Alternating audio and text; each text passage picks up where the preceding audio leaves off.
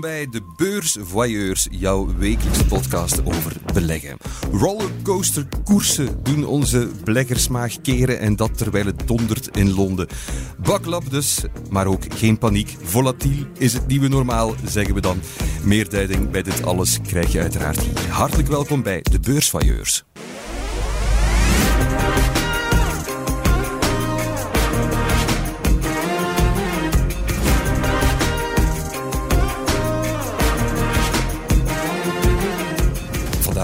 In het bekoorlijke gezelschap van Ellen Vermorgen van de Tijd en Simon Renti van de Belegger. Dag allebei. Ellen, alles goed met jou? Ja hoor, alles, uh, alles kids. Simon? Ja, zeker. Oké. Kan iemand ook even vragen hoe het met mij gaat misschien? Uh... Hoe is het met jou, Thomas? Ja, goed, heel goed. Uh, fijn dat je het vraagt, Ellen. Zeker nu ik weet dat we genomineerd zijn voor de Belgian Podcast ja, Awards. wat een, wat een eer. Met de beurs Voyeurs. Uiteraard ook een beetje mede dankzij jullie expertise, mag ik toch ook wel zeggen. Het ligt niet alleen maar aan de gast en aan mij. Dus dat is wat toch, uh, toch ten dele, hè, Thomas? Het is een, een, een, een collectieve arbeid. Hè? Dus, ja, absoluut. Waarvoor enorm veel dank. Dus er kan ook gestemd worden via het platform van de Belgian Podcast Awards. Jullie vinden de link in onze show notes. Ik ga even wachten tot iedereen nu gestemd heeft. Ja, goed, we kunnen verder. Vandaag ook weer een bijzonder interessante beursvoyeur in onze stoel. En misschien won hij ook al prijzen. Hij ontwikkelde in elk geval een camera die Trophy Camera heet en enkel award-winnende foto's maakt op het scherp van de snee tussen kunst en tech. Welkom, Dries de Poorter. Dank u. Dries, hoe gaat het met jou? Top. Fantastisch. Ik ben heel blij dat je er bent. Van welke projecten kunnen mensen jou kennen, Dries? Oh, ik denk de Flemish Crawlers. Wat is dat precies? Dat is een Twitter-bot en een Instagram-bot die automatisch filmpjes post van politiekers die te lang op hun telefoon zitten in het Vlaams parlement. Dus je krijgt een filmpje, er wordt ingezoomd op, ja. een politicus? Het Vlaams parlement heeft een uh, YouTube live kanaal. Vanaf wat er een vergadering is, gaan ze live. Daarbovenop heb ik eigenlijk software geschreven die gaat kijken of dat een politieker te lang op een telefoon zit. Dus die kijkt naar, is er een telefoon in beeld? Wie is die persoon? En dan worden die getweet op Twitter en ook gepost op, uh, op Instagram. En wie zit er het meest in op zijn telefoon? Dat hou ik eigenlijk niet bij. Oké. Okay. Uh, maar dat is misschien wel een interessante om het... Uh, om daar uh, cijfers van bij te houden. Ja, het is een supercool project. En ik denk dat, um, dat jouw werk de Vlaamse ministers in kwestie wel bewuster heeft gemaakt van hun uh, scrollgedrag, hun smartphonegedrag. En dat ze het misschien nu twee keer nadenken voor ze het doen. Mm -hmm. Het zou kunnen, hè? Ja. En wat waren de boze reacties die je kreeg? Goh, ja, 50-50. Veel werd er een uh, soort van schoot in een soort van verdediging. Ah, ik gebruik mijn telefoon voor notities en alleen de belangrijkste e-mails.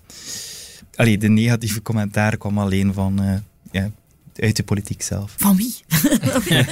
Speel dat naam aan het Dat betekent dus volle stilte. Jij zit op zo'n schat data, je moet dat met ons delen. Wie, wie? Nee, we gaan jou niet, we gaan jou niet loslippen Ja. krijgen, drie. Nee. Nee. Het is oké, dat is jouw beroepsgeheim. Ik- Krijgt het, krijgt het nog een vervolg? Of heb je nog plannen in die richting? nee, dat project wordt onderhouden. Dus eh, Ja. ja, eh, software kun je meer en meer doen. Nu kan die een onderscheid maken tussen eh, typen en scrollen, die beweging. Ja, ja. Als iemand scrolt, dan zit hij misschien op sociale media en Ja. dan wordt het eerder gepost dan iemand die bijvoorbeeld gaat typen. Dus dat project wordt onderhouden eh, op basis van software. En wat was jouw meest recente werk? De Follower Ja? bestaat eigenlijk uit een reeks van video's. Links in de video zien we een Instagram-foto.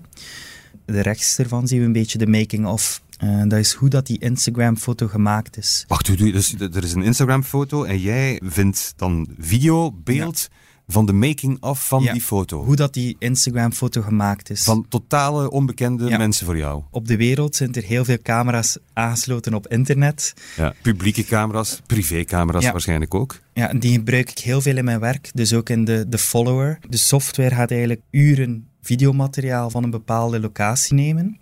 En gaat dan ook kijken, op Instagram kun je een locatie bij je foto plaatsen. Ja. Eh, gaat hij ook die foto's verzamelen. En dan is er eigenlijk het moeilijke gedeelte, de software Matchen. zelf, gaat eigenlijk kijken van oké, wie komt er welk moment in beeld, welke Instagram komt in, in, eh, in beeld en eh, op welke tijd. Ik heb gewoon een reeks, ik heb daar een selectie in gemaakt van personen ja, op, op verschillende locaties in New York en Dublin. Het zijn heel coole beelden, maar ik vraag me af, kan, kan je ze dan niet gewoon ook meteen gaan verkopen? Aan, Nee, dat is zeker niet de bedoeling met dit project. Dat is meer echt zo, ja, de gevaren van, eh, van die technologie tonen, van open camera's, maar ook eh, machine learning. Ja. Dat zit daar eh, zeker in. Als ik naar je werkje kijk, je bent eigenlijk meer bijna een uitvinder, maar tegelijkertijd ook een ondernemend kunstenaar. Je mag me altijd onderbreken als ik verkeerde dingen begin te zeggen. Eh, waarde, waardecreatie lijken mij dan ook weer belangrijke thema's in, in jouw werken. Hoe zou je jezelf omschrijven als Goh, kunstenaar? Dat is een altijd- vreselijke vraag, hè? Ja, ik vind dat altijd een moeilijke. Ja, veel mensen zien mij als een kunstenaar, maar je kunt ook termen noemen als eh, creative technologist of creatief ondernemer of uitvinder, vind ik ook eh, eigenlijk een hele mooie. Eh, maakt mij eigenlijk echt niet uit eh, hoe dat mij ziet. Laten we het proberen een beetje concreet te maken. Hè? Bijvoorbeeld jouw app Die With Me. Ja, ja. Die With Me is een chat-app die ik ontwikkeld heb. En eigenlijk die app kun je alleen maar gebruiken als je minder dan eh 5% batterij hebt. Als je minder dan 5% hebt, dan kun je de app gebruiken. En dan kom je in een chatroom met andere mensen die minder dan 5% batterij hebben. Heerlijk. Ja, grappig. Eh, ik heb ook gezien dat de, de prijs van jouw app verdubbelt op Black Friday. Ja, de- dus die wordt dubbel zo duur. Ja. Dat is ook wel altijd onze best verkopende dag. Eh, ik maak daar dan altijd een, eh, een, een post over op sociale media. En eh, mensen delen dat ook. En, eh, Dus iedereen telt dan dubbel, het dubbele van normaal neer op Black Friday. Ja. Wanneer je normaal koopjes gaat doen, ga jij dus Ja. het dubbele van de prijs dan wordt vragen. die dubbel zo duur. Lekker, eh, lekker averecht. Ja, klopt. Maar je maakt ook echt fysieke werken, zoals Short Life. Ja. Hoe werkt dat precies? Dat is een fysieke klok en dat is heel, een heel persoonlijke klok. Dat is een klok die toont hoeveel procent van je leven al voorbij is.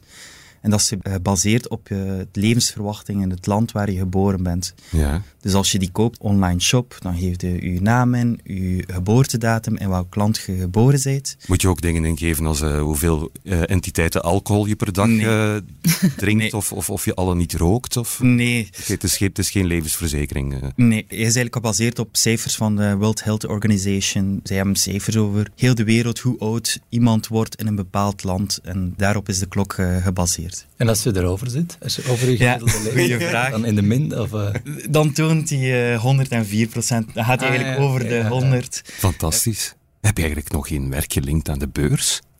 Nog niet. Ik ben daar eigenlijk wel eh, mee bezig. Be- be- Begint er al iets te komen? Ja. eh, Mogen we het weten? Nee. Met beleggen bedoel je? Of met, ja, met beleggen ja. en ook ja, tegelijkertijd ook mijn idee te bedenken. Maar eh, het is niet 100% zeker dat er daar een idee gaat uitkomen. Borrelt wel iets. Er is iets ja. aan het broeden, dat is, dat is wel duidelijk. Ja. Fantastisch. Welk soort belegger ben je eigenlijk, Dries? Goh, lange termijn denk ik. Eh, Ik denk dat ik nu twee jaar mee bezig ben. Ja, vooral technologieaandelen. Ja, dat is een beetje mijn eh, portfolio. En een positief verhaal tot dusver? Of, eh? En nu is het natuurlijk ja, iets roder. Ik zal het roder Je noemen. bent ook meteen naar je telefoon aan het kijken, hoe rood precies. We moeten geen exacte percentage. Ja, gewoon, nee. gewoon even eh, of, het, of het je bevalt. Ja, nee, ik vind, ik vind het superleuk. Ik vind het super interessant. Ja, ik ben ook nog zelf aan het bijleren. wanneer is het juist dat je begonnen bent? Ik denk twee jaar geleden, een kleine twee jaar geleden. Eh, toen was ik voor mijn werk in Zwitserland en eh, was ik daar met een goede vriend die eh, een eh, lange autorit er mij alles over verteld heeft. En dan in Zwitserland, Ja, daar is dus komen, prachtig. Ja. dan was ik echt verschoten van hoeveel jonge mensen eh, die ja, aandelen kochten. en, eh, en zo eigenlijk door die ene reis ben ik eh, voorzichtig aandelen beginnen kopen. Op de beurs van Zurich dan? Nee. Nee, nee, nee. nee. Heel fijne kennismaking, Dries de Poorter. De rest is voor straks, want het is tijd om ons oor te luisteren te leggen bij onze experten. De beursblik. Laten we met jou beginnen. Waar wil jij het over hebben? Wel, Thomas, het zal misschien niet nieuw in de oren klinken, maar we hebben de afgelopen dagen weer extreem zotte eh, bewegingen op de beurs gezien. We hebben een aantal dagen gehad waar het bij van piek tot dal of van dal tot piek 5% eh, scheelde bijvoorbeeld op indexniveau. Dus extreem eh, volatiele beursdagen in beide richtingen. Een aantal sterk negatieve dagen en een aantal sterk positieve dagen. En is dat echt heel zeldzaam, dat, dat het Ja, zo fel zo gelijk een swing eh, intraday van de S&P van, van 5%, dat komt heel weinig voor in de geschiedenis. Uh, bij individuele aandelen is dat couranter, maar op indexniveau zie je dat niet zo vaak. En toch geloven we dat we dat vaker gaan beginnen zien. Ik denk dan vaak aan de periode pre-COVID. Als ik dan over de beurs schreef en je keek naar grote bewegers, dan was zo een beweging van 1,8, 1,7 procent, dat was al zot. Hè? Als ik smiddags met een Brusselspiegelpen, een resume van de Brusselse beursdag, en ik ging kijken naar de grote bewegers, dan waren dat dikwijls bedrijven die dan met 2 procent, en dan schreven, oh Barco, vandaag 2 procent hoger. Nu is dat schering een inslag en kunnen ook heel stabiele aandelen heel zotte bewegingen maken. Maar zeg je nu dat dat het nieuwe normaal wordt? Het nieuwe normaal in de huidige markt, eh, voor een stuk wel. En dat is, ja, ik vind dat voor een lange termijn belegger niet altijd kei tof. Ik heb liever een markt die rustig kabbelt, de hoogten in dan graag, dan die hele frenetieke, manische markten, ja, waar dan vooral traders geld mee verdienen, hè, door exact te gaan uitkiezen waar je moet kopen en verkopen, vaak binnen eh, dezelfde handelsdag. Maar het is het nieuwe normaal in deze markt een stuk, omdat er heel veel geld aan de zijlijn staat op dit moment. De cashfondsen, huizen houden heel veel cash aan de zijlijn. Ik denk dat ze gemiddeld 6% in cash hebben. Dat is heel veel historisch gezien. En als er minder geld in de aandelenmarkt zit, als de volumes lager zitten, als de liquiditeit lager ligt, dan ga je uitvergrote bewegingen zien. Dat zie je ook als uh, op beurzen in de feestdagen bijvoorbeeld. Hè. Traders zitten dan aan de feestdis, er wordt minder gehandeld, maar de, de, de volumes liggen lager, maar de bewegingen zijn veel groter. Mhm. En dat is wat je nu voor een stuk ziet. Het wordt nog versterkt door een aantal andere fenomenen die maken dat we in heel schommelige beurzen. Welke fenomenen dan nog? Ja, sommige oorzaken zijn dan zeer technisch. Als je ziet dat indexen een bepaald eh, niveau aantikken, bijvoorbeeld als de S&P 3500 punten aantikt, dan is dat een belangrijk technisch steunniveau. En beurshandel vandaag werkt heel hard met algoritmes, werkt heel hard computergestuurd. Als je dan bijvoorbeeld dat steunniveau aantikt, dan heb je automatisch een hele reeks orders die uh, in actie treedt. En dat zet nog een extra versterkend effect uh, op die grote uh, zaagtandbeweging. Ah, ja, een soort van self-fulfilling prophecy. Ja, het wordt een beetje een self-fulfilling prophecy, want hoe meer dat beurshandel werkt op basis van die algoritmes, hoe meer dat ook de koersen ja, die bewegingen gaan volgen en hoe meer dat je die, die extreme stemmingswissels, uh, manische koers gaat krijgen. Ja. Leidt jij ook onder extreme stemmingswissels, uh, Dries, en manische koersen? het morgens misschien. Kan je het makkelijk loslaten ook? Ja, ik zit er dus in, lange termijn. Wat ik doe is uh, de app voor een paar maanden keer verwijderen. Ja. ja, dat is eigenlijk hoe dat ik mij een beetje zelf bescherm om uh, ze niet te verkopen. Dus je kijkt er niet dagelijks naar? Nee, zeker niet. Nee, dat is zeker heel verstandig, omdat je Ja. maar keert daarvan op den duur. 5% erbij, 5% eraf. Wordt Ja, zot Dat, is het gevaar nu, Kun- mensen het elke dag inderdaad kunnen zien. Ja, Ja. dat is het. Vroeger belde je twee keer per jaar aan de bank om Ja. hoe, hoe zou het zitten met mijn aandelen. Mhm. En nu zien mensen het, het elke dag of meerdere keren per dag. En zijn mensen daar veel, veel zenuwachtiger eh, over, inderdaad. Maar ik vind dat het wel nog lang geduurd heeft, die volatiliteit. Want meestal als je zo'n een, een berenmarkt of een beurscrash ziet, gaat dat altijd wel met, met de, de nodige paniek gepaard. Maar ik vind dat het nu een van de meest eh, geordende, rationele berenmarkten ooit is. Vind je het Dus- een rationele beeld? ja, het is, het is ook, eh, als je bijvoorbeeld kijkt naar de, de VIX-index, dat is zo'n index die daar de, de, op basis van de optiemarkten de volatiliteit gaat meten op de markten. Bijvoorbeeld tijdens de coronacrash ging die richting 60, 70. Nu gaan we amper boven de 35 uit. Het is nu inderdaad de laatste tijd dat het iets hoger wordt, die volatiliteit.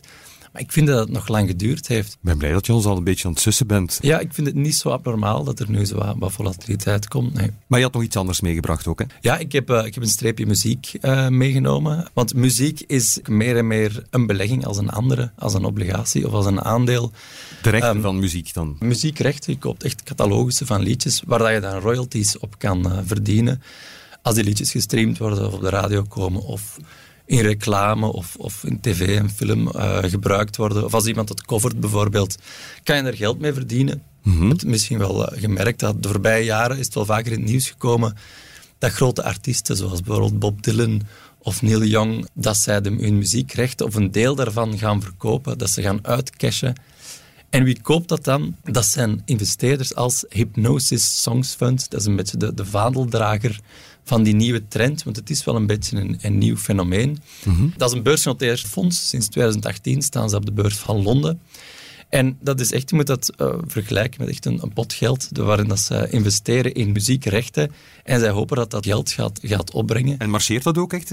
Dat is een lange tijd goed gedaan. Eh, 2018, dus ook niet de late middeleeuwen. Een redelijk recent fenomeen. Maar de man die daarachter zit, Mercuriadis, dat is dus geen kleintje in de sector. Dat is een vroegere manager van onder andere Elton John, uh, Beyoncé, Iron Maiden. Dus iemand die echt die sector zijn binnenzak kent.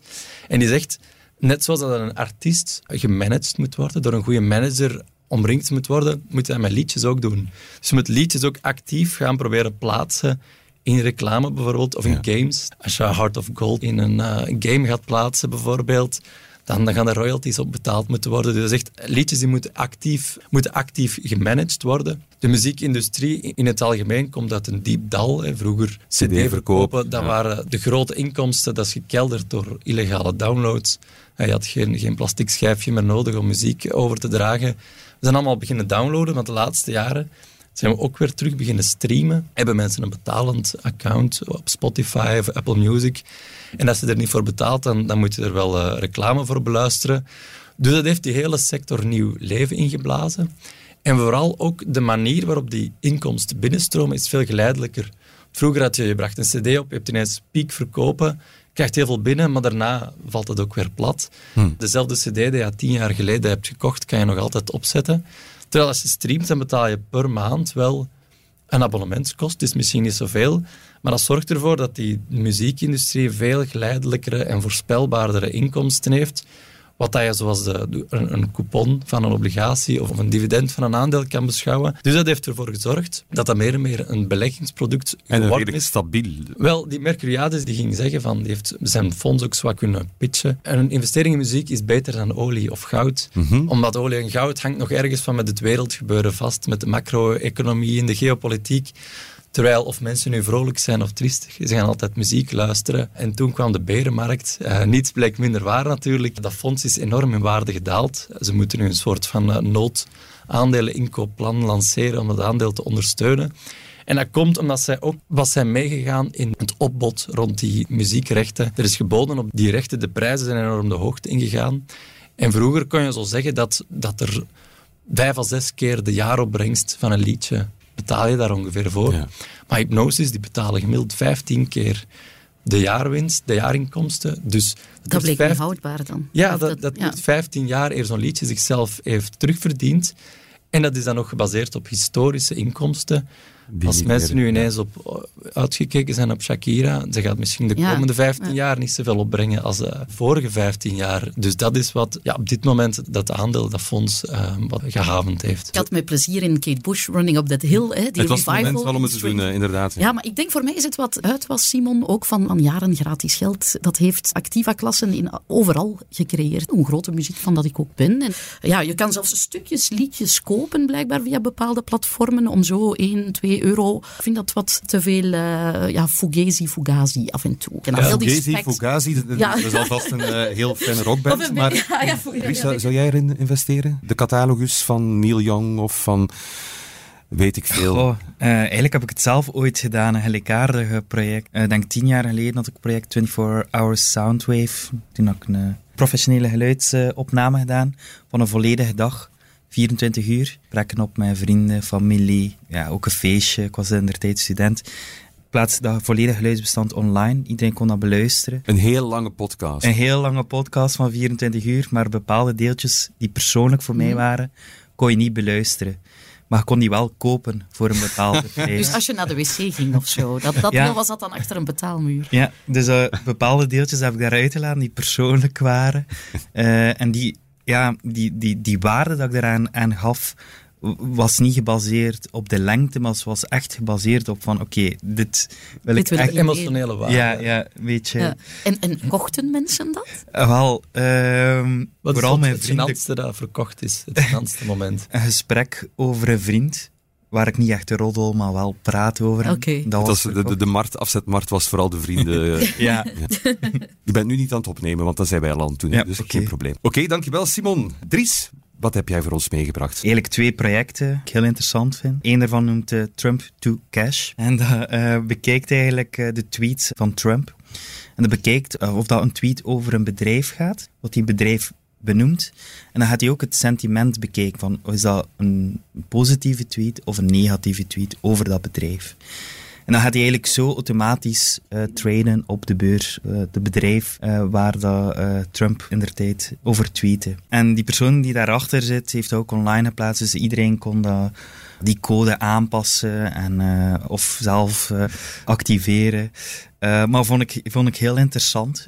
Ik denk dat dat al ook tweets en Twitter vaak gebruikt wordt in automatisch handelen en ja, dat denk ik wel. Hè. Zo je hebt zo van die sentimenttrekkers, of dat nu Trump is of niet, maar die dan volgen hoe goed of slecht eh, een bedrijf uh, in de markt ligt, op mhm. social bijvoorbeeld. Dat je daarop ja, beleggingsideeën kan gaan stoelen. Met Elon Musk was het ook op een gegeven moment verschrikkelijk. Elk woordje dat hij tweette, als dat, mm soms dat, dat woord leek op, een, op de naam van een bedrijf waar hij het zelfs niet over had, ja. ging dat stijgen op de beurs bijvoorbeeld. Ik denk... of, of, ook ja, met cryptomunten ook. Als hij kon zomaar dingen omhoog mhm. praten en naar beneden praten ja, het is echt waanzinnig eigenlijk, hoeveel, hoeveel invloed dat zo'n mensen hebben. Ik, ik denk dat uh, de kwestie van tijd is voor Aleer 3 zegt met een soort van knotsgekke tracker gaat komen waarmee de hele financiële wereld op zijn kop gaat staan. Maar je had nog iets mee, hè? Ja, een project over een uh, hamster die Mr. Gox noemt. Ja. En dat is een hamster die een tijdje uh, op YouTube live stond, die eigenlijk automatisch trade ook. Er waren twee tunneltjes in zijn kooi en een, uh, hoe noemt je dat, een loopwiel. Mhm. ja. Het loopwiel besliste welke aandeel dat hij ging uh, verkopen of aankopen. En dan de twee tunneltjes waar dat hij door kon lopen, was verkopen en aankopen. uh, eigenlijk heel simpel. Ja, ik vind dat een mooi project. Die hamster is daar niet alleen in. Er zijn heel veel experimenten al gebeurd om uh, dieren te laten handelen tegen fondsenmanagers en te zien wie er het ah. beste uit de vergelijking komt. Er is een boek over geschreven, een Burton Malkiel, en die, ik denk dat dat boek A Random Walk Down Wall Street heet, waar dat je dan aapjes, uh, vogelenpikjes gaat laten schieten naar uh, de koersenpagina's van de Wall Street Journal ja. en daarmee een portefeuille samenstelt en die dan in sommige gevallen het beter deed dan een actief gemanagede portefeuille. Er zijn inderdaad van die uh, gekke experimenten. Wij hebben in een editie van de beursrally, die binnenkort van start gaat, dus iedereen uh, uh, stay tuned, hebben we ook eens de hond van Bas van der Hout, hè, je weet, onze gezellige Nederlandse collega, hebben we ook eens een keertje aandelen laten kiezen. Die mocht dan via een speeltje zo, koos die dit speeltje, dan kocht die hond Netflix, koos die dat speeltje, dan, dan kocht die Stellantis, bij wijze van spreken. En zo stellen die een portefeuille samen die het eigenlijk doorheen die wedstrijd dan nog niet, die ergens in de middenmoot geëindigd is, die hond. Ja zet toch onze voetjes ook een beetje op de grond. Ja. Dat in elk geval wel. Dankjewel, Dries. Show me the money. Het moment waarop ik mijn rol uh, met veel plezier even uitbesteed aan Wanda. Wanda is de vragencomputer van de tijd. Uh, met uh, altijd toch ja, licht filijne vragen, om eerlijk te zijn. Het ligt uiteraard allemaal aan onze gast, in dit geval Dries de Poorter, welke vraag eruit komt. Want je geeft een cijfertje van 1 tot en met 20 en dan komt er een vraag uit Wanda. Zo simpel is het. Zullen we eens proberen? Ja. laten we beginnen met mijn lievelingsnummer 6. ah ja, oké. Van welke gemiste belegging heb je het meeste spijt? Levert een mooie vraag op. We horen dadelijk het antwoord na dit. Kunstenaar, uitvinder, ik kan nog tal van andere termen erop plakken, maar uh, fascinerende mens, laten we het daar vooral bij houden. Dries de Poorter is hier bij ons vandaag te gast en we zijn bij Wanda beland. Dries, jij kreeg al de vraag, van welke gemiste kans heb je het meeste spijt? Goh. Ik denk dat dat bitcoin uh, is. Ik ben eigenlijk, uh, mijn portfolio bestaat, ja, een heel klein deeltje bestaat uit crypto. Zo goed als niets hoor. Maar uh, ik belandde toen, ja, toen ik denk dat die heel laag stond. Ik weet de prijs niet, ik denk 1 of 2 euro zal het geweest zijn. Ja. En toen belandde ik heel veel op festivals die daarover gingen, maar ik had echt de oogkleppen op. En uh, daar heb ik wel spijt van, uh, dat ik niet toch een paar uh, bitcoin gekocht heb in der tijd. Ja. Ja. ja, dat was meteen al een goede vraag van Wanda. nog eentje proberen? vier. Hoeveel tijd besteed je aan beleggen? Dat heb je al een klein beetje beantwoord.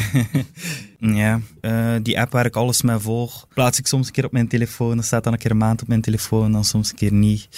Uh, zelf in het aandeel kiezen, goh, besteed ik ook niet zo heel veel tijd in. Doe je het meer op intuïtie dan? Of? Ja, uh, mijn portfolio bestaat uit ja, aandelen waar ik een goed gevoel bij heb. Daardoor kan ik ze ook lang houden, denk ik. Um, ik denk dat ik eerder wel in de grotere bedrijven investeer. Um, ook door de chiptekorten, bijvoorbeeld met Shortlife, um, kom ik daar ook soms in de problemen mee, mee door. Maar ook bedrijven, alles rond machine learning. Uh, We willen een aandelentip. ik vind dat gevaarlijk. Uh, om, ja, denk, Nvidia is een bekend, denk ik. Daar, uh, is, maak daar zelf ook veel gebruik van. Okay. Uh, en ASML, mm bedrijf ja, denk ja. veel in de media. Ja hoor, die hadden, uh, hadden woensdag uh, cijfers en die waren bijzonder goed eigenlijk. Ja. Dat heeft de koers die heel erg afgestraft was toch, toch even weer wat, uh, wat opgekikkerd. Ja. Heel interessant bedrijf. Ja, wereldmarktleider. Ja. Nog eentje proberen? Eén. Wat is je meest recente belegging? Goh, denk Apple. Ja, Apple. eigenlijk had ik toen dat Elon, toen dat in de media kwam, dat hij Twitter ging overkopen. Elon Musk dan? Elon Musk, ja. Heb ik die gekocht. Ik had nog geen Twitter-aandelen. Ik dacht, oké, ze gaan nu ofwel naar boven of naar beneden gaan. Toen ging ze een klein beetje naar beneden. Nu overlaten ze weer naar boven. Heb ik ze verkocht en terug in, uh, in Apple gestoken. Dus je hebt er dus wel munt uitgeslaan uit die Twitter-beatstrijd? Ja. ja. Dan, uh, uh, maar ja, dat voelde echt aan als, uh, als gokken voor mij. Ik, ik, wist dat het iets ging gebeuren, maar of dat naar boven of naar beneden ging, dat, het dat is een hele aparte stijl. Hè. Op ja. de beleggingswereld, ja. merger arbitrage wordt dat genoemd. Mm. Dus een aandeel dat, dat fors onder zijn, uh, zijn biedprijs noteert en dat je zegt van, ik denk toch dat die overname gaat doorgaan, dat mensen inderdaad systematisch die aandelen kopen. Er bestaan hele fondsen van die daarin gespecialiseerd zijn. Dus het is mm. echt van een, een stijl apart. Ja. Maar eigenlijk is dat niet mijn stijl. Dat, dat voelde echt aan als een soort van ja, gok, mm -hmm. het zo noemen. Ben je bedachtzamer of niet ja, meer tijd? bedachtzamer. Oké. Nog eentje? Drie. Wat is jouw einddoel? Oh, moeilijke vraag wel. Maar ik denk de gevaren van bepaalde technologieën tonen op een speelse en toegankelijke manier. Ik vind dat belangrijk dat mensen ook die niet vaak in aanraking komen met technologie, uh, wel het werk gaan snappen en zo. Dus ik denk dat dat uh, ja, de gevaren tonen van, uh, van nieuwe technologie. Dankjewel Dries, je, je bent openhartig geweest. ook met veel dank aan Wanda, want ja, dat brengt ze dan wel teweeg. Dankjewel Dries. De hulplijn. U weet ons te vinden, beste luisteraar. Tot ons groot jolijt, moet ik zeggen, want we zijn hier per slot van rekening om u te helpen. En deze week heet onze luisteraar Paul. Dag Paul, we hebben elkaar al eens gehoord in het verleden, toch? Inderdaad, op de eerste, ah. allereerste beursvoorjaar. Maar kijk, we zijn rond, we zijn terug bij Paul. Fantastisch. ik ben heel benieuwd uh, wat jouw vraag is. Mijn vraag is, uh, door al het slechte nieuws van de afgelopen zes maanden, zou je kunnen veronderstellen dat veel mensen met een berg cash zitten waar ze niet weten wat mee gedaan. Zeker die twee mensen die in februari van dit jaar mijn raad opgevolgd hebben om alles te verkopen. Waarmee ze een, een debacle van ongeveer 20 à 30 procent hebben ontweken. Nu zijn al de argumenten die we toen hadden, jammer genoeg, nog geldig en nog versterkt. Zoals Oekraïne, olie, elektriciteit en gasprijzen, voedselprijzen, galopperende inflatie, etc. Hoewel de beursanalisten alweer veel te vroeg, naar mijn mening, beginnen te spreken van koopjes jagen, zou ik toch liever een andere oplossing hebben om met mijn cash te ontsnappen aan de 10% waardevermindering per jaar. Wat stellen jullie voor? Ik zou willen zeggen, ik ben proficiat dat je in februari dan uh, een goede inschatting hebt gemaakt.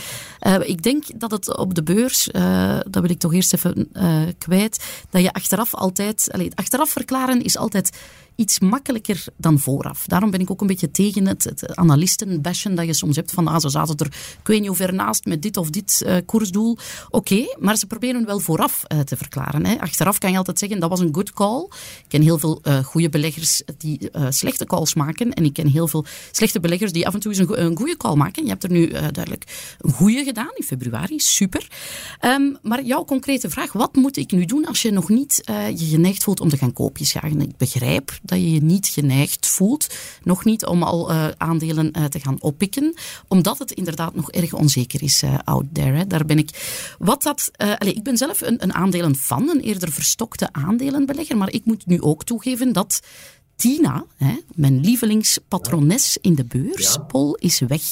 Ze is weg. Ze heeft haar biezen gepakt. Ik weet niet waar ze uithangt, maar there is no alternative. Tina gaat niet meer op. Er is een alternatief aan het komen. Hè. Veel voorzichtig kan je gaan kijken uh, uh, naar ja, bedrijfsobligaties. Hè, die kunnen al een stukje van jouw inflatie uh, dichtrijden. Dat wordt stilletjes aan een alternatief, ook al heeft die markt heel hard op zijn gat gekregen, op zijn doos gekregen, en kan dat nog verder gebeuren. Maar je kan gaan kijken bijvoorbeeld naar bedrijfsobligaties op korte looptijden, op vijf jaar, waar je bijvoorbeeld in euro een bruto, hè, dat is belangrijk erbij te zeggen, een bruto rendement van misschien 4,9, 5 procent kan halen. Er zijn alternatieven uh, aan het komen, uh, dat is zo. Um, maar ja, bon, het moet een beetje uh, passen bij, bij jouw aanpak, jouw stijl. Um, ik denk uh, dat we wel uh, stilletjes aan waarderingen krijgen die ook op de aandelenmarkt, zeker op de aandelenmarkt, die interessant worden om, om al kooplijstjes aan te leggen. Ik zeg niet dat je nu al die orders moet uitvoeren, maar dat je wel bijvoorbeeld een wishlist kan, kan gaan samenstellen als dan iets of wat meer de wolken opklaren dat je dan wel kan toeslaan als je cash, uh, cash aan de zeilen hebt, die je dan blijkbaar hebt uh, dankzij jouw, uh, jouw goede oordeel in, in februari. Wat denk jij, Simon? Ja, het is inderdaad moeilijk als je, als je, je ziet die inflatie gebeuren. Je zegt inderdaad, je verliest 10% per jaar. Maar je gelooft ondertussen nog niet echt in de, in de aandelenmarkt. Of dat we al een bodem bereikt hebben, dat is moeilijk. Warren Buffett die vergeleek inflatiebeleggen ooit met omhoog wandelen op een roltrap die naar beneden gaat. Dus als je blijft stilstaan, ga je naar, naar beneden. Maar je moet wel zien dat je rendement, dat dat, dat boven die inflatie uitkomt. Uh, op lange termijn zien we dat um, aandelen de beste inflatiebescherming zijn. Maar op korte termijn is dat niet zo. Hè. Als je inderdaad zegt van als je geld op een spaarboekje laat staan, dan, dan verlies je zoveel procent per jaar. Maar ja, als je het in aandelen belegt en je aandelen gaan naar beneden, dan ben je dubbel verloren. Mhm. Dus het is vooral op lange termijn dat, dat die aandelen um, dat die een enorm goede bescherming hebben geboden. En dan, tenzij dat je echt ervan overtuigd bent dat je de, de markt kan timen, dat je gaat zeggen van ja, ik kan nu de bodem kopen en de top verkopen, dat weet je wat nooit, de meeste mensen ja. niet kunnen, ja, dan moet je toch althans met een gedeelte in de markt blijven zitten. Want de kans bestaat ook dat je nu gaat zeggen van ja, we hebben de bodem nog niet gezien. Dat de beurzen gaan beginnen stijgen, stijgen, stijgen. Dat je op, een gegeven moment gefrustreerd geraakt en denkt van oké, ik zal dan toch maar instappen. Dat je dan eigenlijk op de top instapt. Dus dat is het moeilijke als je de, als je de markt gaat, gaat, um, gaat proberen te timen. Um, um, ja, maar ik, ik, snap het wel dat je inderdaad die onzekerheid mm -hmm. waar je het, ja. dat je het uh, over hebt. Ik, ik denk, ik die zou een nog citaat wel... nog willen geven, uh, Paul, als ik mag, van een naamgenoot van jou. Dat is Paul Huibrechts. En die heeft in dit programma gezegd, in de beursvoyeurs, beleggerscash ontwaart niet. Dus jouw cash die jij op jouw beleggersrekening hebt staan, wordt niet minder waard. Die wordt net meer waard, omdat activa goedkoper worden. Dus die cash die jij daar hebt, is niet aan de inflatie onderhevig. Dat is eigenlijk een mooie gedachte, vind ik. De cash die jij hebt op jouw brokeraccount, op jouw beleggersaccount, die wordt niet minder waard, want dat geld is bedoeld om mee te beleggen. En dat vond ik een hele slimme uh, observatie van Paul Huibrecht, dat dat soort cash eigenlijk inflatieproof is, laat ons zeggen. Wat zou jij, Paul, adviseren, Dries? Goh. Investeren in kunst? Goh, ik vind dat een vrij moeilijk. Ik ga uh, niets adviseren. ik ben uh, ja. een leek. dus... Ik, ik gaf gewoon maar de voorzet om, om, om uh, in kunst te investeren. Maar dan, nou, wie weet. Dat, Driesepoorter.be Voilà. ik denk dat dat uh, allemaal nuttig advies is. En ik hoop uh, dat je er ook zo over denkt, Paul. Wel, ik denk dat u mijn argumentatie voor de nabije toekomst nogal rap langs de kant zet. Ja, dat is zeker niet de Het zijn allemaal dingen die je toch allemaal ziet voor je ogen gebeuren. En ja, absoluut. Maar nu weet toch dat volgend jaar het zal uitkomen bij de mensen. De mensen gaan echt tekorten mm -hmm. hebben. Ja. En, en, dat leidt toch nooooit naar een beursgozer. Nee, maar de beurs heeft een voorspellende uh, kracht, Paul. Die dat loopt voor op de, op de miserie die er gaat komen. En er is al uh, een en ander af. Ik begrijp jouw sceptisch en ik volg die ook voor een stuk. Ik denk ook dat het, het is niet het moment om de bodem af te roepen en massaal te gaan de beurs bestormen. Dat zeker niet. Maar er is wel al een hele rit gereden naar beneden. En uh, ja, als we dan bijvoorbeeld volgend jaar die, die ommekeer krijgen in centrale bankenbeleid, laat ons zeggen in het voorjaar, dan is het misschien toch wel hoopvol te zeggen dat we dan ergens een echte beurs bodem gaan, gaan kunnen vinden. Um, dus voor mij hoeft dat niet, uh, de beurs loopt niet gelijk, met de, loopt een stuk voor op, op de miserie die er nog gaat volgen en schept wat dat betreft, en daar geef ik u groot gelijk in, geen al te, al te mooi beeld voor wat er uh, op consumenten en gezinnen uh, volgend jaar afkomt. Absoluut. Oké, okay, bedankt allemaal om zo fijn mee te denken. Ik hoop dat, dat Pols vertrouwen toch een beetje hersteld is. beste Paul, bedankt voor jouw vraag ja. en altijd welkom voor nog eens een vraag. Hè? Ja. Oké, okay, ik zal nadenken. Dat is goed. Ik verwacht er veel van. Hè. Tot de volgende. Dag Paul. Dag Paul. De blik vooruit. Ja, spreekt nogal voor zich. Eens kijken naar de volgende week al. Ellen, waar kijk jij naar uit? Wel, het wordt weer een drukke cijferweek. Hè. En ik heb vooral donderdag, de 27e, in de agenda staan. Omdat we dan zowel ja, AB InBev hebben, dus de, de hoeksteen van onze Brusselse beurs uh, met kwartaalcijfers, als een ECB-rentebesluit. Dus zowel micro als macro wordt dat een zeer drukke dag uh, op onze redactie. Ja. Oké, spannend. Simon? Ja, ik ga me daar gewoon bij aansluiten. Het is inderdaad resultatenseizoen. Ze stromen weer uh, sneller en sneller terug uh, allemaal binnen, die, die kwartaalcijfers. En dat kan ons misschien toch wel wat terug de focus van beleggers wat verleggen van dat macro-gegeven waar iedereen zo zenuwachtig van wordt. Dat de kern van het beleggen, dat is de ondernemingen zelf. En dat is, uh, dat is misschien niet slecht. Dat kan wel eens deugd doen. Ja. Fantastisch. Dries, waar kijk jij naar uit? Goh, uh, het lancering van nieuwe werken. Uh, daar zie ik altijd naar uit. Uh, is er al iets waar je een tip van de sluier kan uh, oplichten? Of, of, of, ga je nog iets, nog iets met jouw Flemish scrollers doen? want het is iets wat wel gigantisch goed marcheert ook, hè? Ja, nee, daar... ik, ik onderhoud die software. dat vraagt een zeker onderhoud. Maar waar ik altijd meest naar uitkijk zijn... ja, het lancering van nieuwe werken en op vlak van mijn portfolio zie ik wel uit wat er binnen vijf en tien jaar gebeurt met mijn portfolio. Maar uh, ja, daar heb ik jammer genoeg geen uh, antwoord op. Nee. Dat die eruit. Het was fantastisch dat je er was vandaag. Uh, dankjewel. Dit was het voor vandaag. Ik bedank onze beursvailleurs van dienst Ellen Vermorgen, Simon Renti en natuurlijk onze bekende vailleur Dries de Poorter. Ook een grote dank aan luisteraar Paul voor zijn boeiende vraag. Vergeet niet te stemmen voor de beursvailleurs. Ik zeg het toch nog maar even via de website van de Belgian Podcast Awards. U vindt een link in onze show notes. Volgende week zijn we opnieuw met een nieuwe bekende vailleur die nog niet al te veel kwijt wou. Behalve dit. Graag tot volgende week. Hallo beursvailleurs. Bedankt voor de uitnodiging. Wat een eer. Financiën. Ik sta ermee op en ik ga ermee slapen. Lange termijn plannen uitrollen en strategisch denken, dat is echt mijn ding. En ik zeg altijd dat nog veel mogen mogen. En vermogens mogelijk ook. Tot volgende week. Dag. Dit was de Beursvoyeurs. Presentatie door Thomas de Soete. Productie door Anne-Sophie Moerman. Mis het beursnieuws niet op tijd.be. Graag tot volgende week.